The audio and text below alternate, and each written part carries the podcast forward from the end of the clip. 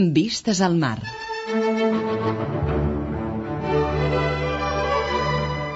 Vistes al mar. Una mirada als nostres músics.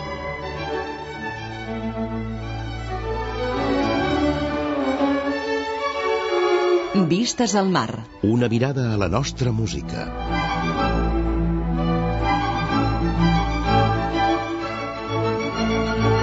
Vistes al mar. La música i els músics que han fet història al nostre país. Vistes al mar. Un programa realitzat i presentat per Xavier Xavarria. Bona nit i benvinguts a una nova edició de Vistes al Mar, el programa que Catalunya Música dedica a la música catalana, a la música i als músics que han fet història al nostre país, però també als protagonistes de la vida musical d'avui dia, els que la dinamitzen i treballen dia rere dia des d'àmbits molt diversos. Per començar, rebeu una cordial salutació dels que fem el programa d'avui. Ricard Portal, les vies de so, i qui us parla, Xavier Xavarria. Avui dediquem el nostre programa a un músic català de tombant de segle XIX-XX excepcional. Ens atreviríem a dir un fenomen. Formidable violinista, compositor de tota mena de gèneres musicals, incloses òperes, director d'orquestra, promotor de concerts. Un personatge molt ben relacionat i capdalt durant la primera meitat del segle XX a Catalunya, però que, com tants altres, ha quedat una miqueta oblidat. El tenim certament abandonat. I avui el volem redescobrir i sentir la seva música i les seves interpretacions, fins i tot. Avui, a Vistes al Mar, parlem de Joan Manent. Thank you.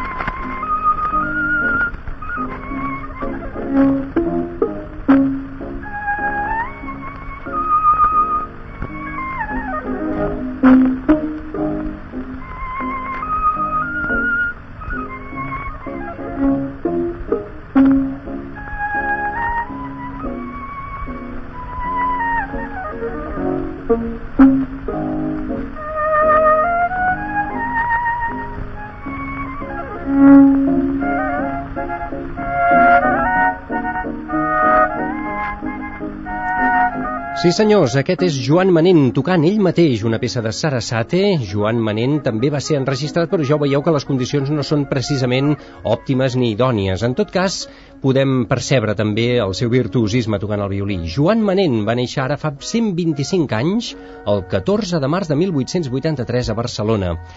Podríem parlar d'un nen prodigi gairebé, perquè amb només 3 anys ja estudiava piano i violí i amb 7 anys va fer els seus primers concerts públics arreu de l'estat espanyol, actuacions que van deixar bocabadats, públic i crítica.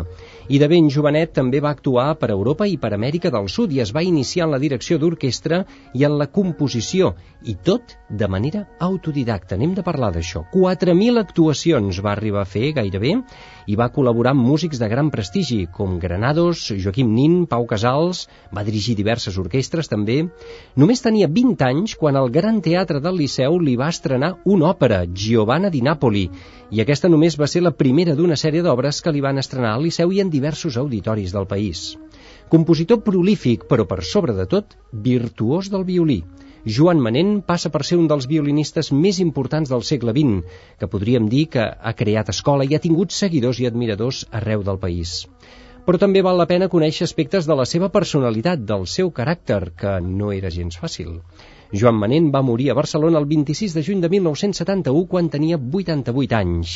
Avui el volem recordar en motiu del 125è aniversari del seu naixement. I ho farem amb quatre persones que ens en podran explicar un munt de coses, perquè l'han conegut des de punts de vista molt diversos, o bé personalment, o bé a través de l'estudi i la investigació. Donem la benvinguda i saludem cordialment el senyor Ramon Oliveres, lutier de Sant Joan de les Abadesses i amic també d'en Joan Manent, que el va conèixer i en va tenir un bon tracte. Bona nit i benvingut, senyor Oliveres. Bona nit. Saludem i donem la benvinguda també a Jaime del Blanco, violinista, i que en aquests moments està fent la tesi doctoral sobre Joan Manent. Benvingut, Jaime. Hola, què tal? Com està la tesi? Mira, anar fent. Anar fent, això és una Sí, qüestió sí. d'anys, eh? Sí, sí. Doncs vinga, molta sort i en parlarem avui també. Donem la benvinguda i saludem també a Samuel Castellanos, investigador del tema violinístic en general i autor d'articles sobre Joan Manent publicats, atenció, a Anglaterra, en una prestigiosa revista anomenada Estrat. Per tant, eh, Samuel Castellanos també ha treballat tot l'aspecte des del punt de vista d'intèrpret i violinístic de Joan Manent. Bona nit i benvinguts. Bona nit. I finalment també saludem cordialment a Jordi Gargallo, secretari i arxiver de l'Associació Musical de Mestres i Directors. Bona nit i benvingut, Jordi. Bona nit. Gràcies a tots quatre per ser amb nosaltres. Abans el l'hem presentat com un nen prodigi. Nen prodigi. Podem definir-lo d'aquesta manera, en Joan Manent, eh, veient diguem-ne els primers anys de la, de la seva vida amb 3 anys estudiava violí i piano Sí, a més per imposició del pare. Imposició? Sí, sí. Sí, de fet va estudiar violí amb 3 anys i mig encara em sembla que ja li, li ensenyava algunes nocions de solfeig quan Sí. encara no havia fet els 3 anys però eh, va començar amb el piano però el violí va començar cap als 7 anys o així. Als 5 anys i als 7 anys es va, va estrenar en concert va fer el primer concert amb, amb 7 anys. És a dir que probablement va saber tocar el violí abans que no pas escriure, podríem dir. Sí, de fet va estar a, a un col·legi tres mesos i Tres mesos va anar al col·legi només. El, el pare el va treure perquè va veure que no aprenia res i va dir tu a casa, amb mi, amb una pissarra i estudiar. I el pare va ser l'únic mestre. Això em recorda, Sí. si m'ho permeteu, eh? No us recorda un altre gran compositor que també tocava molt bé el violí? Sí. Mozart Volia- no va anar mai a l'escola, mai a la vida. sí. I l'únic mestre de música que va tenir en la seva infantesa va ser son pare. Sí. Anava per aquí la cosa, pot ser el senyor Manent pare... Potser tenia el síndrome aquest. Sí, es podria dir, de Papà Mozart. sí, volia fer de Leopold déu nhi Aquí ens consta que amb 7 anys ja es va presentar com a pianista i violinista acompanyat al piano pel seu pare a Barcelona, a València, a Madrid i en altres ciutats espanyoles. Això és cert, 1890 amb 7 anyets ja fa una gira de concerts. Mm. De, De- fet, sí, de digues, fet, el piano, diguem-ne, va, va ser el primer, el primer instrument que va, que va aprendre. Però el pare va dir, eh, de pianistes hi ha molts, Sí. de violinistes hi ha ben pocs, saps què? Canviarem d'instrument. Visió empresarial de son Sí, pare, sí, eh? sí, sí, sí. Era- Però no va deixar el piano mai, eh? No, no, mai, mai. De fet, jo crec que al principi li agradava més i tot, Sí, sí, sí. perquè ho Era trobava, agradable. el trobava tot allà mateix. Clar, Podia tot seure, afinadet, li tot- feia fer un exercici que era repentitzar Sí. eh, les òperes de moda cantant a la vegada la part de solista amb lletra a primera vista I tocant l'acompanyament. orquestral Un exercici, diguem-ne, per Sí, agilitzar la sí, seva lectura I vista, ser, va repetització. ser, des, molts anys després va ser molt conegut per, Per- això. per això, per aquesta, això. refundir tota l'obra amb, amb una visió Eh. molt Sí, global, és- però molt... ella es defineix com prodigi Comprimida. si, si es defineix com nen prodigi eh, més que pel violí és per, per això per aquesta facilitat per, per que tenia de- capacitat de- d'improvisar, sí, sí, no sí. improvisar, sinó sí, sí, de, diguem-ne, de, de, lectura a primera vista, vista. sí. Sí, sí, sí. Dos anys més tard, sembla quan en tenia nou només, va iniciar recitals per Europa i per Amèrica. Eh, als 10 anys va anar a l'Argentina, va fer el seu primer eh, concert sinfònic. És cert, amb 9 anys ja, ja, ja va anar... Fet, Però el seu, 10 pare, el seu pare era músic, també. Era aleshores. pianista aficionat. Mhm. De fet, l'acompanyava molt sovint amb recitals, quan era nen, ell, el pare tocant el piano. S'ha fet. I això a Europa-Amèrica sí, ho podem confirmar, amb també, 9 anys? també, sí, sí.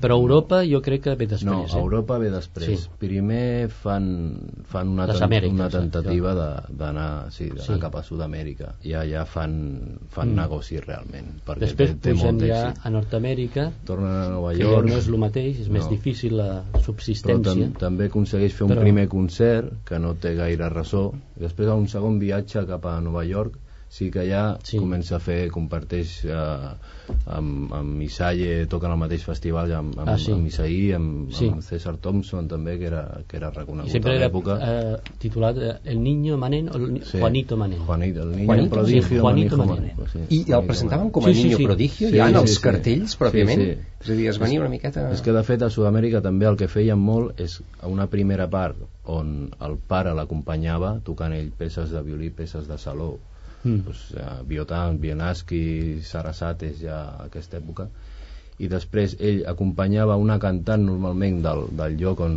on fossin ell acompanyava al piano la cantant El pare o el fill? el fill, El fill el fill acompanyava a la, el- a la cantant Quan era un nen quan encara, tenia eh? 10 anys 10 Sí, anys, sí, sí. fixa't. i després dirigia l'orquestra en el cas de que hi hagués una orquestra del teatre dirigia el nen l'orquestra de, de, De dels, fet, dels Argentina músics. va, va, va dirigir una obra sinfònica, Glòria a Espanya, del... i un cor de 200 homes. Sí. Llavors, I un nen- De- ah, era Glòria Espanya de. Era Això, de claver. de De de de clave, Glòria de Espanya de claver. amb 9 anys. Amb 9 anys. Un cor al davant de 200 homes, veus masculines, dirigint a Argentina el Glòria Espanya de claver.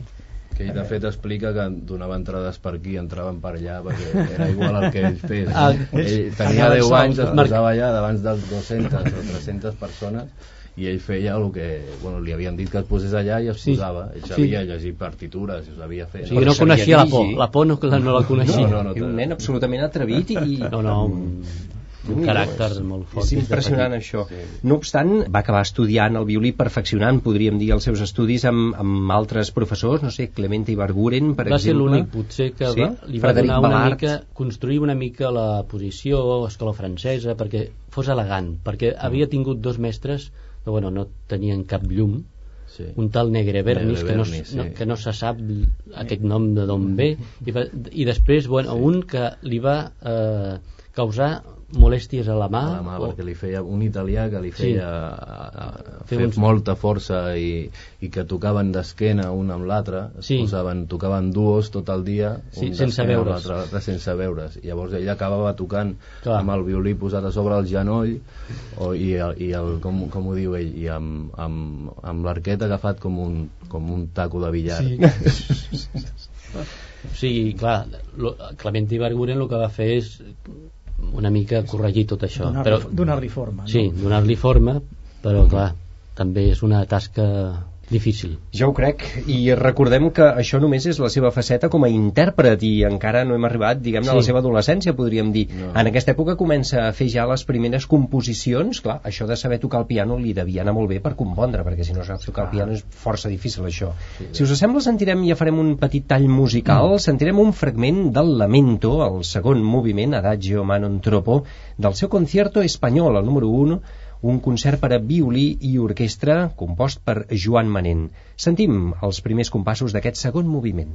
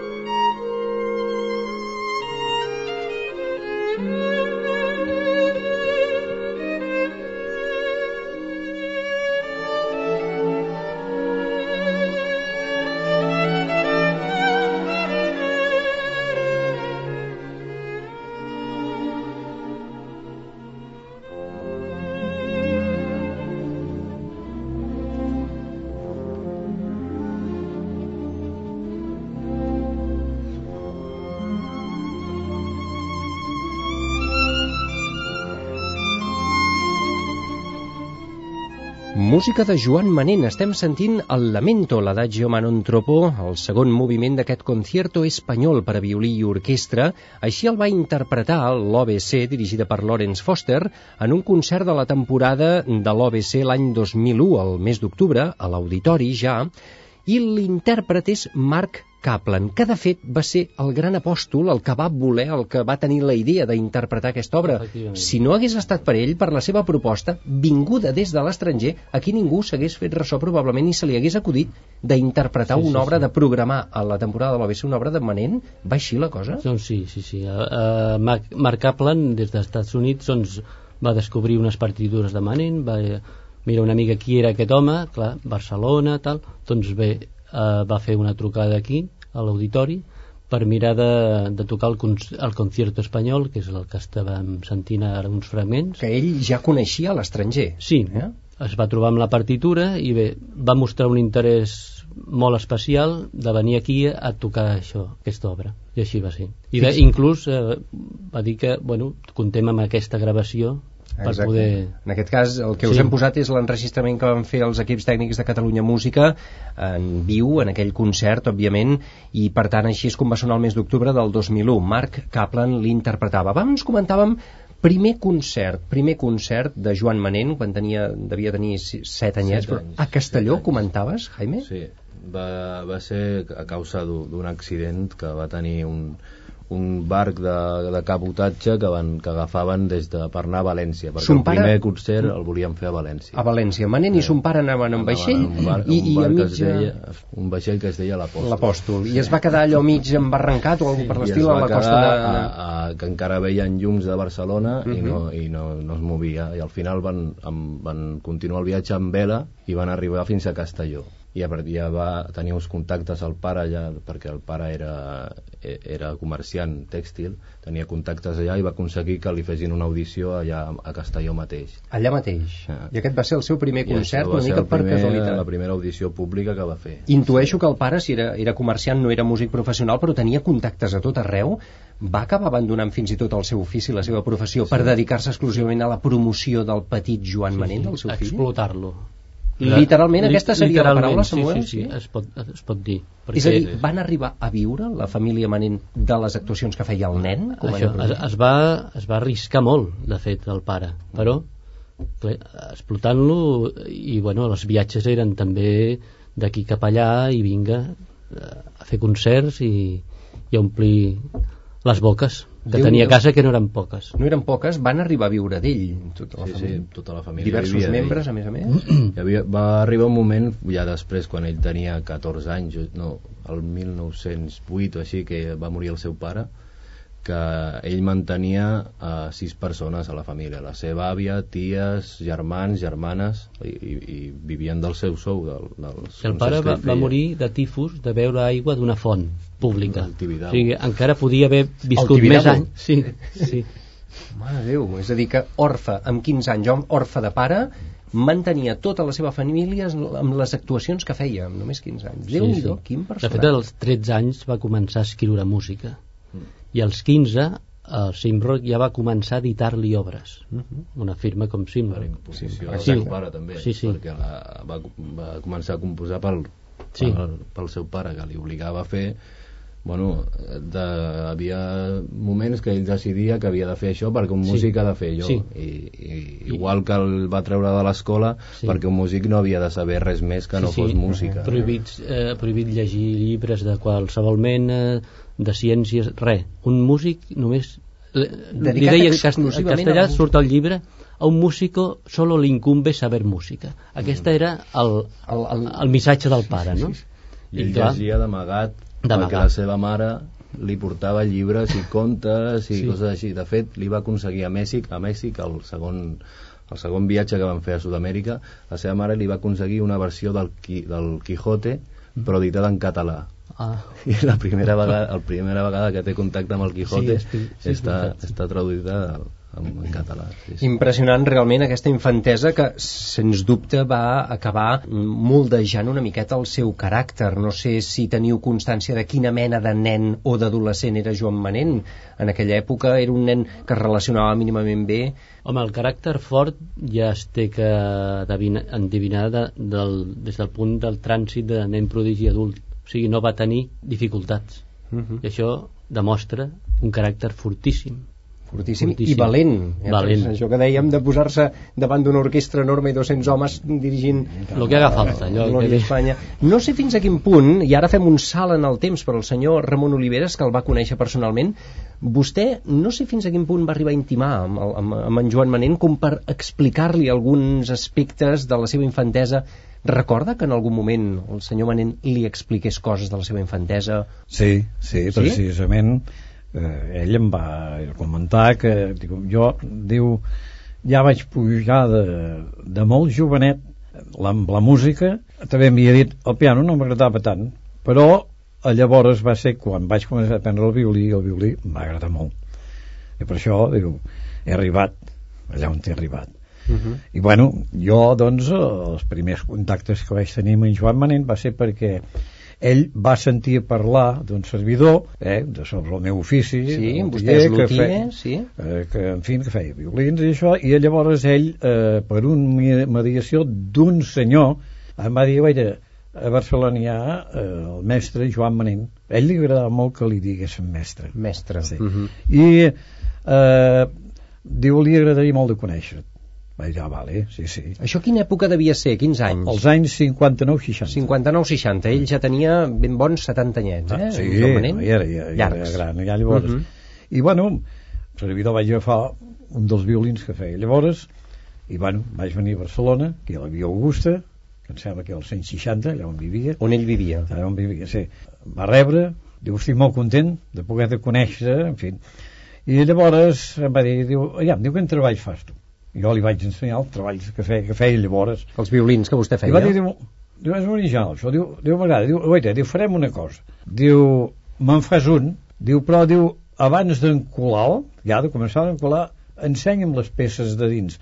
És que, Manent, a més de ser un bon solista de violí també en tenia molt amb la tècnica del violí. Sí?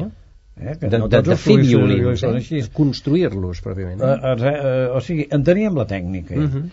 i bueno, llavors em va fer una sèrie de d'advertiments, referències i això, va dir, bueno, diu, mira, diu, quan tinguis les peces a punt, diu, porto que m'agrada veure el de dins. Efectivament, quan ja vaig tenir totes les peces a punt d'encolar, vaig venir cap aquí a Barcelona i ell les va guaitar i va dir, diu, diu m'agrada.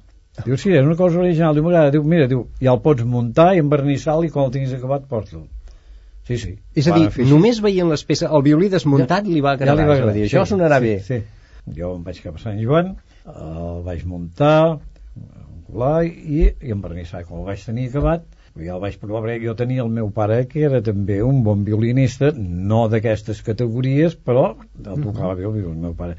I bueno, ell el va provar, el meu pare va dir, saps que sona bé? Diu, sí, sí. Doncs jo ja me'n vaig venir cap aquí a Barcelona, el vaig eh, ensenyar amb ell, i Manent va dir, diu, oita, diu, jo, diu, passa una cosa, de vegades tenia la mà esquerra que tenia unes dificultats ja de, de cosa de nervis que portava la mà embolicada amb gassa de vegades va dir, oita, diu jo diu ara diu no el puc tocar diu però faré venir uns alumnes meus diu que són molt bons violinistes i que i bueno, jo vaig tornar cap a Sant Joan. El, allà on un servidor treballava que el primer jo, el meu ofici primer era ebenista. Jo, eh, però eh, llavors va ser uns anys més tard que ja em vaig ficar eh, de l'UTIE perquè no, és totalment diferent una cosa de l'altra, no té res a veure. Però les fustes sí que les coneixia i tot això. I bueno, es presenta un, un noi en allà on treballava un servidor i diu, oita, diu, l'avantguàrdia diu, porta aquest escrit que has fet aquest violí per aquest senyor de Barcelona diu, per aquest violinista de Joan Manent i diu que ha sortit d'excepcional qualitat, que sona molt bé Caram. diu, i diu que ha sigut provat per instruments antics eh, i és veritat, va ser provat amb els dos Stradivarius que ell tenia en una caixa fort i eh, o ell, un Guarnerius, que ell s'ho pensava que més tard no va ser autèntic, però era un violí bo. Uh -huh. Va ser priva, eh, provat al costat d'aquests i que, havia, bé, que va sortir d'excepcional qualitat. Quina floreta, estar- home, senyor Oliveres, eh? content, Que li eh? comparin el violí Bueno, que li va fer Joan Manent amb, un, amb Stradivarius i un Guarnerius. Ah, llavors, Déu-n'hi-do, eh? com que em va dir, diu, veig, diu, vull que em portis una fotografia, tu i el violí. Diu, me la portis. Va dir, bueno, noi, diu, molt, molt bé, eh? Diu, sona molt bé, diu, i aquests alumnes els hi ha agradat molt. Uh -huh. Diu, felicito. Bueno, jo també vaig estar content. En fi, diu, ara, diu, precisament, diu, eh, hi ha una casa aquí a Barcelona, volen que faci un diccionari musical, que és l'editorial Supena. I per tant, diu també, constarà el violí que m'has fet. Amb aquestes, ell estava fent un gran auditori aquí a Barcelona Mm. que hagués sigut dels millors que hi hagués hagut al món. Al capdamunt del carrer Balmes, em sembla, eh? Exacte. Anem de parlar d'això, eh? Ell em va ensenyar inclús els planos. Uh -huh. O sigui que tenia la vida tota ficada eh, Sí, sí, sí, amb aquest sí, sí, auditori. Diu, serà, diu, de lo bo que hi haurà a Europa. I em dels sembla que ara millors. això va anar a terra, eh, al Bueno, final. Llavors va passar que hi va haver la revolució a Cuba. La seva dona era cubana i tenia moltes coses a Cuba de, de cèntims, eh? O sigui, Possessions, fe- feien, sí, sí, sí. feien precisament aquest auditori sobre els cèntims que tenia la seva dona. Però llavors ve, hi va haver la revolució, els hi varen prendre tot, i bueno, jo un dia vaig venir aquí i l'home estava bueno, desesperat, desesperat, diu, "Guaita, ens ha passat això, diu, i ara m'ho haig de vendre, diu, perquè diu, no ho podem tirar endavant. Eh, va, es va ficar a plorar. Eh, diu, ens ha passat això. Jo, eh, Joan Manent, ha sigut per a mi, va ser i ha sigut una gran personalitat, un gran violinista i un home amb un temperament que per això va arribar allà on va arribar.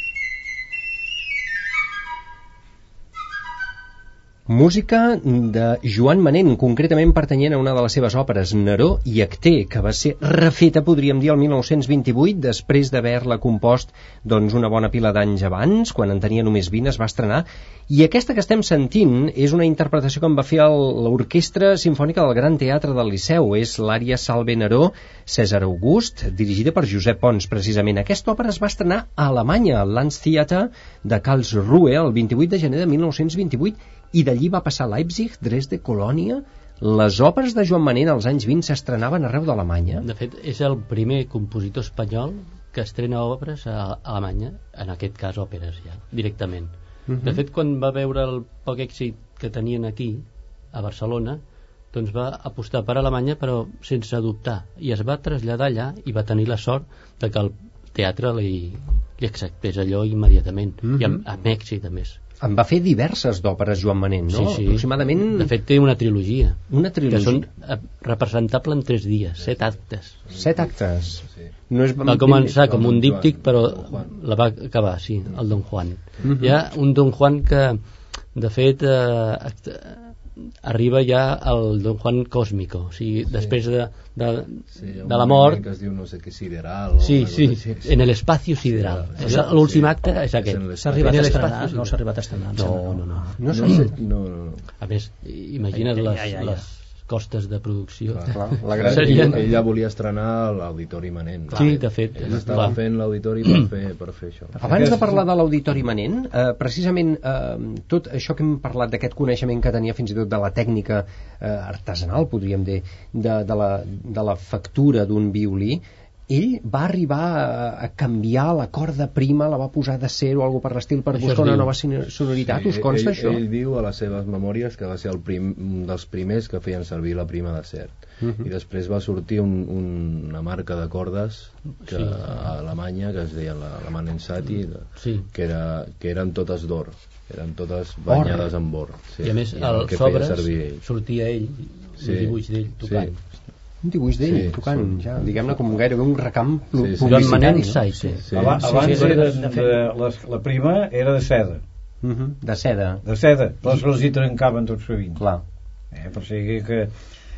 I ell va dir, posem-la de ser, però era per, per canviar la sonoritat també pròpiament del violí. perquè agafés més cos, sí. Més cosa. Però hi havia un detallet que ell deia que era a la sageta de dalt posar una petita peça de cuir per on passava la corda per guanyar una mica de o sigui, de treure potser el, so metàl·lic que podia que tenir donar-li una més corda dolçor. sí. De fet, et volia matitzar una cosa. Jo, aquí em diu que el, es va estrenar l'òpera Acté el 24 de gener del 1908 a Dresden, Acté. Alemanya. Sí, és que, Sí, sí, és però que és hi, que- ha, hi ha diferents versions Clar, de si que un lloc o l'altre. Parlàvem d'una segona versió que és Neró Neró i Acté, perquè aquesta la- eh. Acté primer, pr- primer va ser una mica un fracàs Mm. pròpiament, eh? una 1903. mala posada en escena Sí, sí, el la Gran Teatre del Liceu no va acabar de rotllar, però, sembla, però sembla ser, sembla ser que d'alguna a manera sí, sembla ser que d'alguna manera que més aviat és que li van impulsar el tema Sí. el tema no era nacionalista que és el que llavors es portava amb les obres d'aquí Mm. I a sobre era per, per aprofitar uns decorats De d'una obra que havia fet de l'Anton Rubinstein Sí, sí. que es deia Neró Sí. i que ens hi va costar molts diners i per aprofitar allò li van fer fer aquella obra per aprofitar els decorats Mhm. i sembla que abans de, abans de la representació la gent estava bastant d'ungles no, no ho veien gens una de clar al públic no?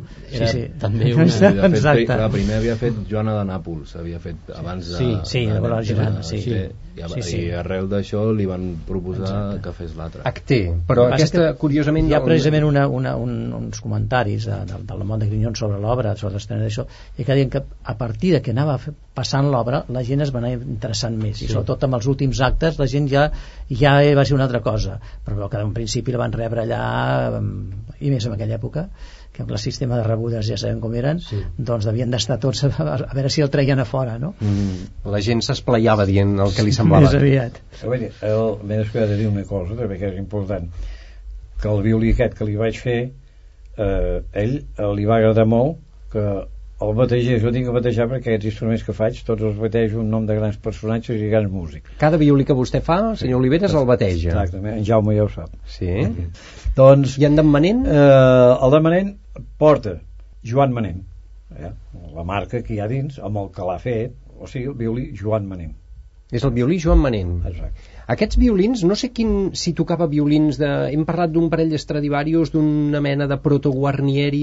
Eh, que, us consta bueno, quins violins tocava? de, d'Estradivarius no està documentat que fossin dos Stradivari el, el que tenia mm. amb el que va fer tota la seva carrera internacional va ser un Petrus Guarneri que no tenia totes les peces originals això, clar feia que el, que el valor de l'instrument doncs baixés, no? Baixés, no. no però de tota manera la sonoritat d'un violí amb un cap canviat no canvia per res Clar.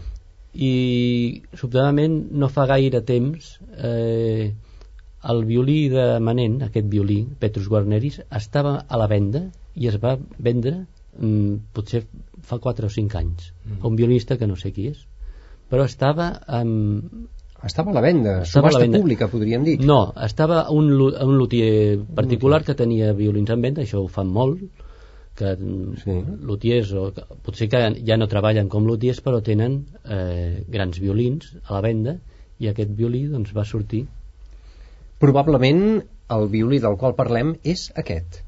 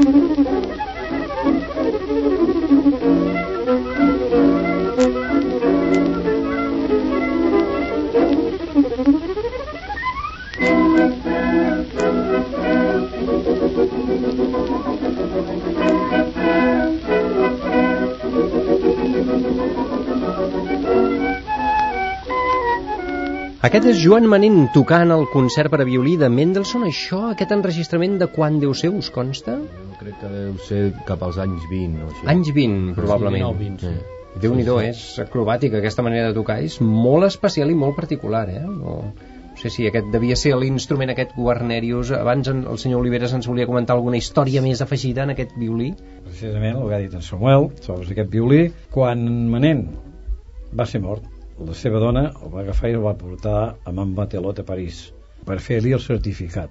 Però el varen mirar molt bé Batelot i varen veure que hi havia moltes peces sobreposades i van dir no li podem fer diu el certificat diu, perquè diu té molta cosa sobreposada eh, diu No i no clar. perquè això es mira amb uns miralls i, això, i no li varen poder fer la dona esclar, va marxar tota una mica decepcionada Clar, perquè pensava que tenia una pensava- joia i no era tan- Ah, ah, bueno, no era al tanto, el violí era bo Era bo. Eh, això sí Mhm.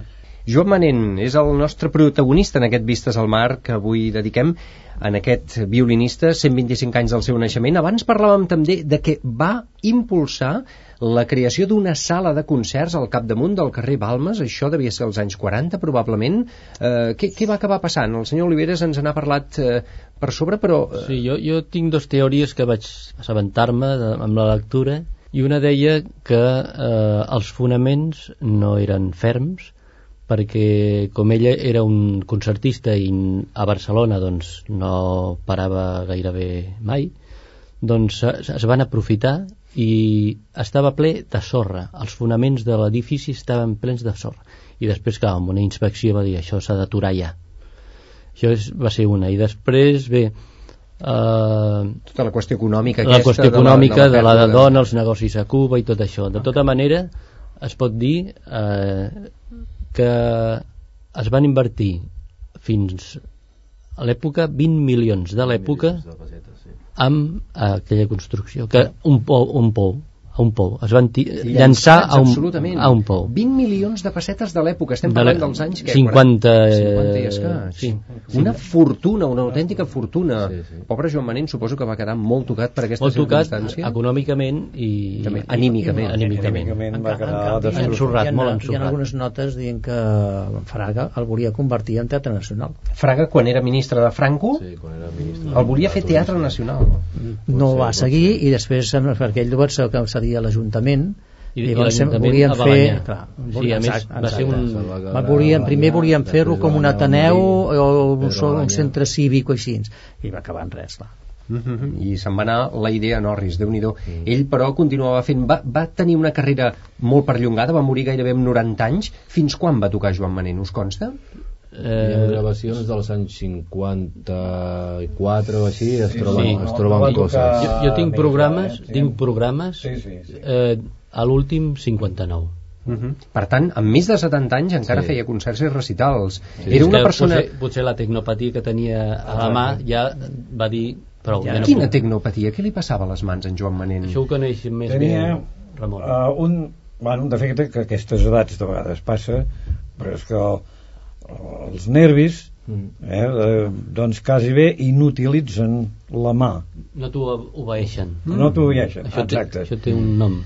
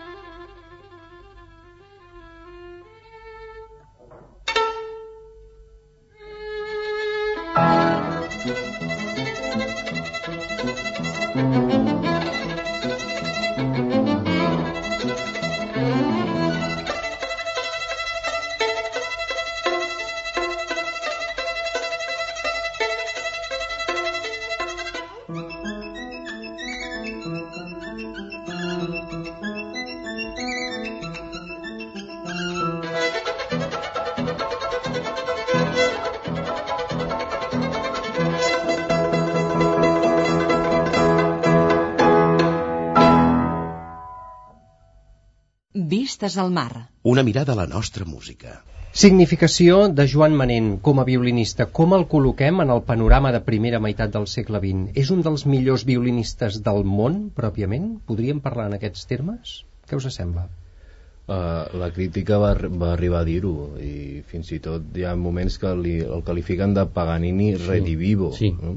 I va ser de les primeres persones que va fer integrals de Paganini fins a llavors des de Paganini ningú, ningú les havia fet Mhm. no només l'edició sinó poder-ho interpretar tot el repertori paganinià no? Fins i tot les, les variacions sobre el God Save the King Sí, que no tocava que ningú. no tocava ningú Perquè era massa difícil. era, era, molt, Intocable. era molt dur Intocable, tècnicament sí. clar. Allò que deien que el Paganini tenia un problema fins i tot també de tecnopatia a la mà, igual que el Rachmaninoff, que tenia unes mans especialment amb una malaltia que li permetia El fer unes coses que cap altre ésser síndrome, humà. síndrome de Marfan. De Marfan, fixa't, sí, sí, ens en van parlar precisament aquests metges de Terrassa Sí. d'això, que tenia aquesta, aquest, aquest problema. Però clar, sense passar-se, perquè el síndrome de Marfan es pot tenir, però amb un grau massa alt i llavors eh, és, És- impossible. és fatal, sí, clar, si llavors- tens el- el- l'ideal... El punt just, eh? Ni massa ni massa poc. Llavors sí. Mhm, Per tant, els recitals són d'aquells I a part estava relacionat amb tots els millors violinist, violinistes de l'època, amb Kreisler, amb Auer tenia relació, també tenia relació amb, amb Carl Fleisch, i, i estava relacionat amb tothom, tant com compositors, com intèrprets, com uh, artistes de tota mena, i a les seves memòries això es troba a, a, a patades. Sí, sí. En molt ben considerat. En quant a l'estil, el que s'ha d'entendre que Manent ve de la de, tradició de Sarasate i de fet ell a, a partir de, de la Primera Gran Guerra ell va continuar tenint carrera però potser per la seva força de voluntat Mm. perquè molts, el fenòmeno Heifetz que va aparèixer el 17 va arruïnar moltes carreres va arruïnar moltes carreres perquè a partir El d'aquell any fenòmeno Heifetz és Jascha Heifetz. Jascha Heifetz. I va arruïnar per què? Perquè era una perquè competència impossible a, a, de... de... a, a, el, la manera de- d'interpretar de, de, de fer música amb el violí va canviar de sobte Mhm. llavors, eh, clar Heifetz suposava, suposava una perfecció tan gran que els que no arribaven a perfilar tant doncs eh, no podien fer res Estava venint camí. I Joan Manent va, va resistir aquest, va aquest resistir canvi però sense canviar d'estil ell no va fer res per canviar És que és la Per- generació sí. immediatament anterior a, això a La de Joan Manent és la interior a la de Jassa Heifetz Mhm. i tots aquests violinistes Clar.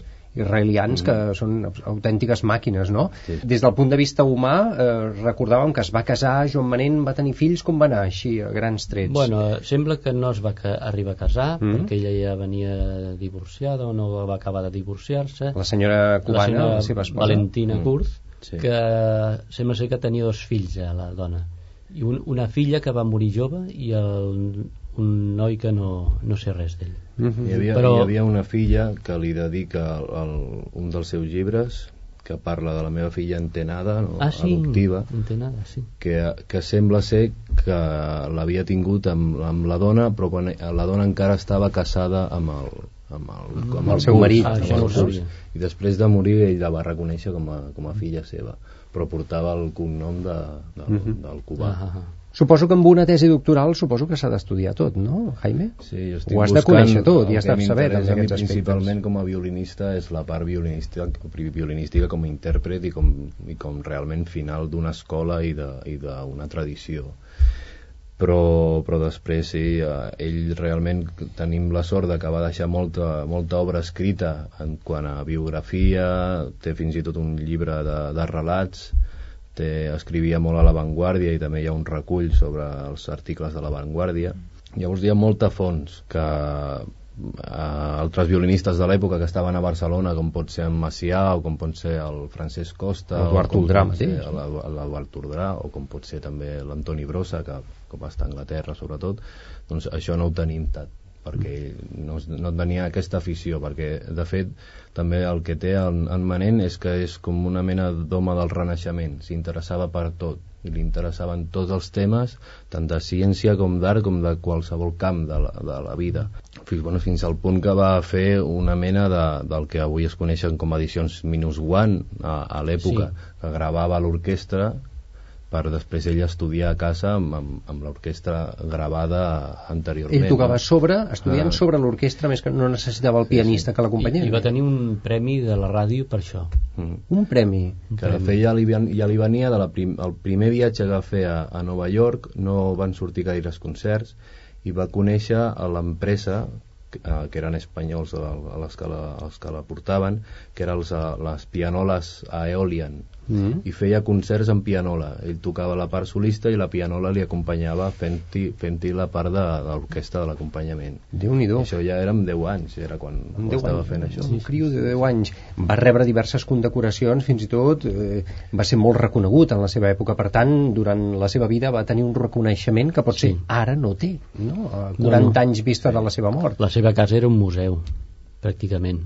El, aquell programa Gran Gala, Sí, que portava el Lluc, sí a Ràdio 4, doncs, ja ho tinc una crec. entrevista que, bueno, està explicant Ah, sí? doncs, com, com és allò, com, el, com va rebre Manent en Lluc per fer l'entrevista i diu un, doncs, una mica com és allò, aquell Mm. pis que era, bueno, Era tot un museu, allò. un eh? museu de medalles, quadres... Quin personatge, déu nhi Joan Manent. Eh, Jordi Gargallo, tindrem alguna mena d'homenatge a l'Associació Musical de Mestres Directors previst? Bueno, nosaltres tenim el projecte de, espera, després de vacances de fer un concert dels que acostumem a fer durant cada mes un concert dedicat a ell o sigui, em- veurem, si, l'anunciarem, eh, ja veurem, veurem si tot funciona bé si en principi sí però si volíem que el Jaume ens vingués a parlar a parlar d'ell i segurament que la, el matrimoni Macuta i en Daniel Blanc Mhm. doncs farien la part, la part musical el duo Calina Macuta i, Exacte. i Daniel Blanc, piano i violí, que també els hem tingut aquí en alguna ocasió. molt bon. a més a més estan fent molt bon treball també eh? estan fent de recuperació de músics nostres un dels grans problemes clar, que tenim, que no es recuperen Esperem en candeletes que soni la seva música i també, per què no, una hipotètica publicació, encara que sigui a mig termini, a Jaime, de la, de la teva tesi doctoral, perquè això veure, perquè això- interessant també. Però vaja, veiem aquí que ens has portat fins i tot alguns llibres de Sí, Joan Manent has escrits, portat- el Diccionario de, de Celebridades. obres seves. Obres seves, aquest senyor són- escrivia llibres també, Sí, Joan Manent. Tot eh? això són obres Uh seves. -huh. Veiem aquí mis experiències escrites per en Joan Manent. Déu-n'hi-do, quina No, foto feia sí, són- personatge. escri- Són tres escrivint, volums. escrivint era francament Tres Jo- volums, Jo per aquí. mi té realment un talent Sí, un especial talent, per, sí, sí, un per talent. la descripció. Ara, per i escriure, una forma Sí, sí, d'escriure sí. una mica estranya per això Sí. almenys en Bueno, alguns per dels l'època, articles però clar, suposo sí, que és per l'època però sortant Clar, no? per l'any 64 que va sortir això potser sí que es, es veu però és això que parlem que és com al final d'una escola no? Clar. és un home que arriba al segle XX però fa coses encara de, del, Clar, del segle XIX arrossega tota una tradició aquest llibre és molt divertit molt divertit el, el Relatos d'un violinista Relatos d'un violinista, Ja però això està descatalogadíssim perquè és molt però es, es, editorial. troba, però es troba es troba, Es troba això? bastant. Llibreria de Vell, Es troba suposo? llibreries de Vell es- Relatos d'un violinista, recomanat per en Jaime del Blanco i també aquest de mis experiències diu trabajar, sufrir i avanzar ja està tot Això dit, era un sí, lema amb el seu, títol sí. és el su- sufrir un personatge déu-n'hi-do, Sí, sí. déu-n'hi-do Joan Manent ha estat el nostre protagonista avui a Vistes al Mar i ja veieu que dona moltíssim de sí li haurien d'haver dedicat doncs no un sinó tres, quatre o els que calgués de programes potser n'haurem de repescar algun més endavant perquè dona molt de sí Joan Manent un personatge polifacètic, polièdric en la seva activitat professional, no només un violinista virtuós, sinó també escriptor, director, pianista, compositor, promotor de concerts i, sobretot, una personalitat molt forta. Joan Manent, que va morir l'any 1971, quan tenia 88 anys. Avui l'hem volgut recordar amb tots aquests comentaris i tota aquesta saviesa que han abocat al els nostres quatre convidats. Ramon Oliveres, Jordi Gargallo, Samuel Castellanos i Jaime del Blanco, a qui agraïm moltíssim la seva assistència avui al programa i a tots els seus comentaris. Moltes gràcies. I molta sort també en tots els projectes futurs dels nostres convidats i a vosaltres també gràcies per la vostra atenció i la vostra fidelitat. Això és Vistes al Mar, ja ho sabeu, cada divendres al vespre a Catalunya Música. I tornarem la setmana que ve. Us hi esperem a reveure. Vistes al mar.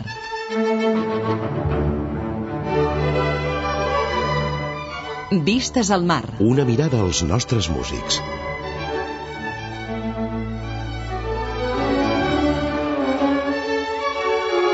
Vistes al mar. Una mirada a la nostra música.